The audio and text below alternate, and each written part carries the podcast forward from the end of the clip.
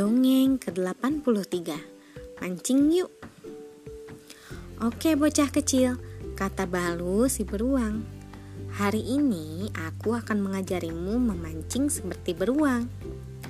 Mowgli senang sekali. Ia sangat menyukai teman barunya Balu.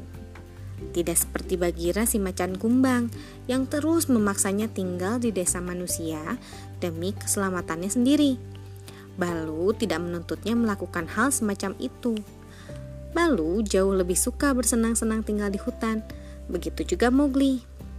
Nah, perhatikan ini nak, kata Balu saat mereka sampai di tepi hutan. Yang perlu kau lakukan cuma menunggu ikan berenang lewat lewat. Lalu, push! Secepat kilat, Balu bergerak. Lalu tahu-tahu ia memegang ikan perak yang menggelapar-gelepar. Sekarang cobalah kau lakukan. Ia berkata pada Mowgli. Mowgli duduk mematung, menunggu ikan lewat di depannya. Kemudian, piur, ia terjungkal ke dalam air. Hmm, kata Balu setelah mengeluarkan Mowgli dari air dan mendudukannya. Dalam keadaan basah kuyup. Sekarang akan kutunjukkan teknik keduaku. Balu dan Mowgli berjalan menuju bagian lain sungai.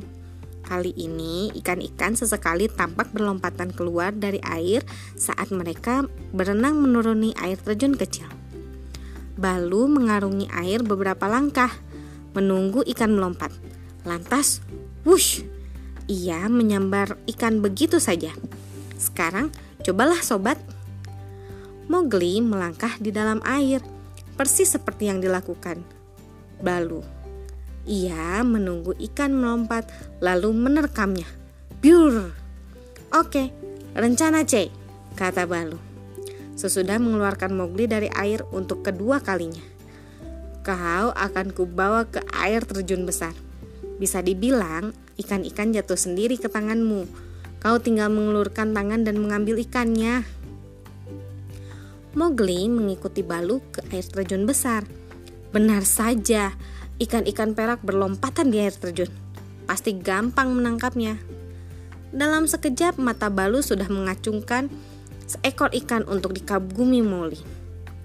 Kali ini aku pasti berhasil. Lihat saja Balu, seru Mowgli penuh semangat. Ia mengerutkan muka penuh konsentrasi. Lalu sesaat Mowgli benar-benar memegang ikan perak. Namun, sedetik kemudian, ikan itu melesat dari cengkeramannya dan melompat kembali ke air. Mowgli memandang tangannya yang kosong dan menghela nafas. Kau tahu nak, kata Balu, menepukan cakar raksasanya pada bahu kurus Mowgli. Kurasa kau terlalu bekerja keras. Bukan begitu cara hidup di hutan. Hidup di sini seharusnya seru, senang, dan bebas. Jadi ayo, mari kita goyang pohon pisang saja. Dan Mowgli mengangguk riang. Sekian, terima kasih telah mendengarkan. Selamat malam.